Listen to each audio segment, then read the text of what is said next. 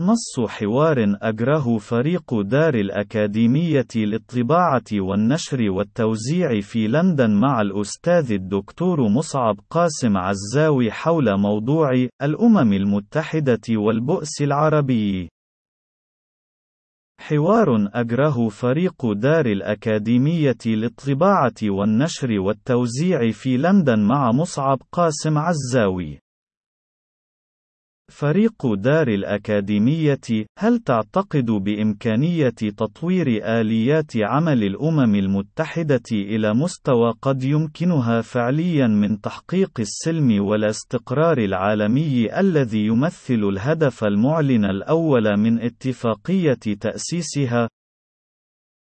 مصعب قاسم عزاوي يقتضي المنظار التاريخي المستبصر النظر إلى الأمم المتحدة وسليفتها عصبة الأمم في سياقهما التاريخي الذي قام بإنتاجهما آنذاك، وهو دون كثير تعقيد شكل لاتفاق الأقوياء المنتصرين في الحرب العالمية الأولى ممثلا في اتفاقية عصبة الأمم، وأولئك المتسيدين عقب الحرب العالمية العالمية الثانية والتي تمخضت عن الأمم المتحدة، على تقاسم الغنائم بين من كانت لهم اليد العليا ممثلة باقتسام كوكب الأرض وموارده وحتى اقتصاداته ومفاتيح السيطرة على حركية مجتمعاته كمناطق نفوذ حدودها شبه واضحة بين المنتصرين، ودون الأخذ بعين الاعتبار أي ما قد يرتبط بالمصالح الفعلية. الفعلية للبشر الحقيقيين ومجتمعاتهم التي تم وضعهم في جعبة هذا المنتصر أو ذاك.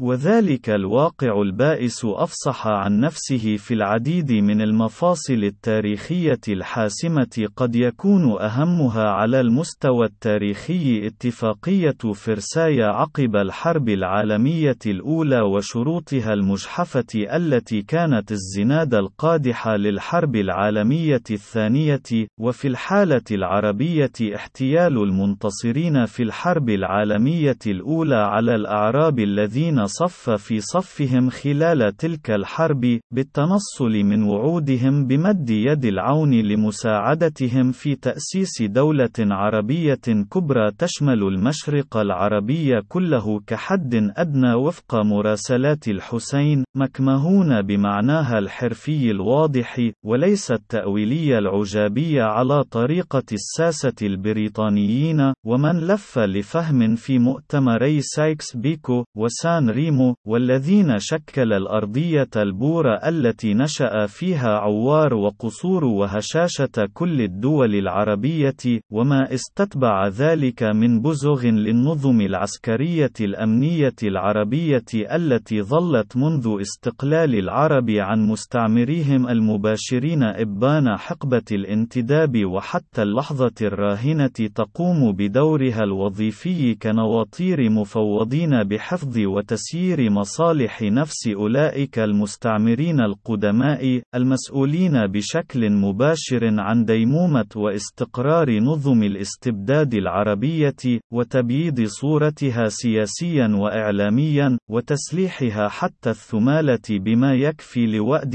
أي انتفاضة شعبية فيها، أو عبر تصعيد شخوص يتم انتقاؤهم بعناية من الطبقة العسكرية الفاسدة المرتبطة المرتبطة عضويا بإرادات أولياء أمرها من المستعمرين القدماء الجدد للتصعد والحلول محل شخوص أخرين من نفس تلك الطبقة حين يتم انتهاء صلاحيتهم للالتفاف على إرادات الشعوب في التغيير الحقيقي عبر إيهامها بأن استبدال شهاب الدين بأخيه تغيير لا بد من استمرائه على أنه الخيار الوحيد المتاح الذي دونه الفوضى والتدمير الكلياني وتحويل المجتمع المنتفض إلى حطام بالقوة العسكرية العارية التي يعود أسها ومفاصل الحل والعقد بتحريكها إلى نفس أولئك المستعمرين القدماء الذين لم يرحلوا وإلا شكليا عن المجتمعات العربية.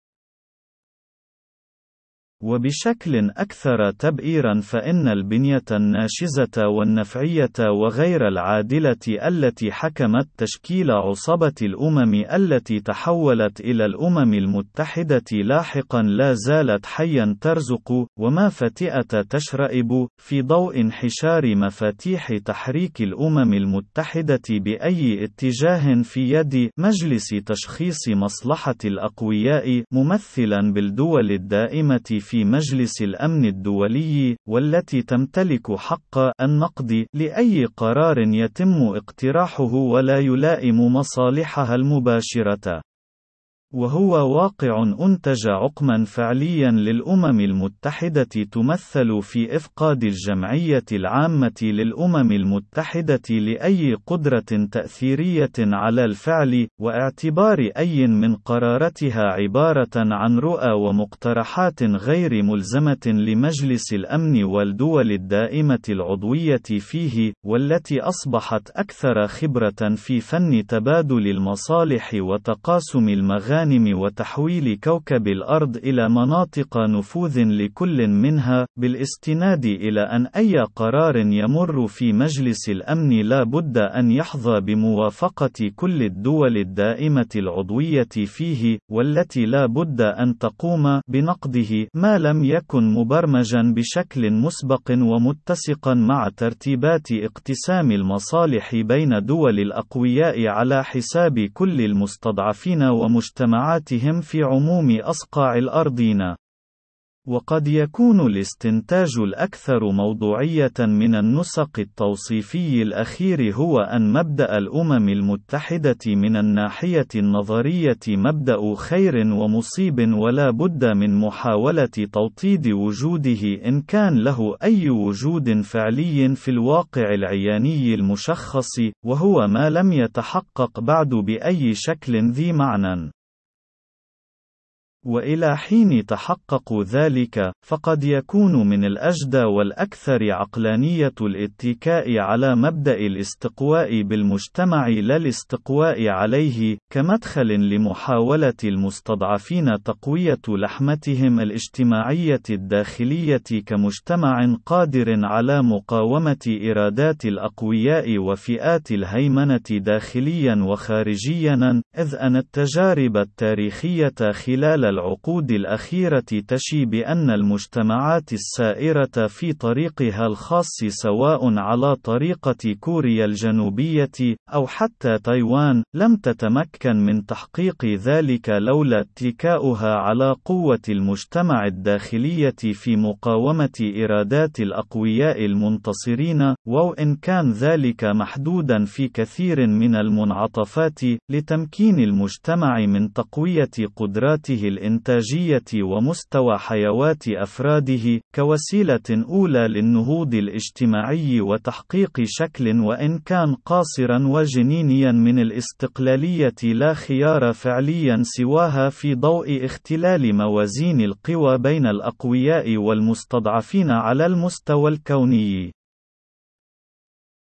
وفيما يتعلق بالحالة العربية بالخصوص، فإن الحقيقة المرة هي أن كل الاستحقاقات المجتمعية والسياسية والاقتصادية سوف تظل معطلة وغير قابلة للمقاربة بأي شكل يحتمل أن يؤدي إلى أي نتائج فعلية في حال استمرار تسيد الاستبداد وطغاته ونظم فساده وإفساده على حيوات المظلومين المقهورين المفقرين في المجتمعات العربية، لتناقض عضو بين كل من تلك الاستحقاقات وبنى وآليات عمل الاستبداد كأداة أولى لضبط المجتمعات وتنظيم نهبها وإفقارها وتحويلها مصدرا رخيصا للمواد الأولية، وقوة العمل شبه المجانية، وسوق تصريف مفتوحة على أعنتها لنتاج الشركات الشركات العابرة للقارات لدول الأقوياء، برقابة مباشرة من نواطير ووكلاء أولئك الأخيرين ممثلين بنظم الفساد والإفساد ولا استبداد ورموزها وبصاصيها وعسسها وجلاديها ومحتسبيها وما كان على شاكلتهم عربياً.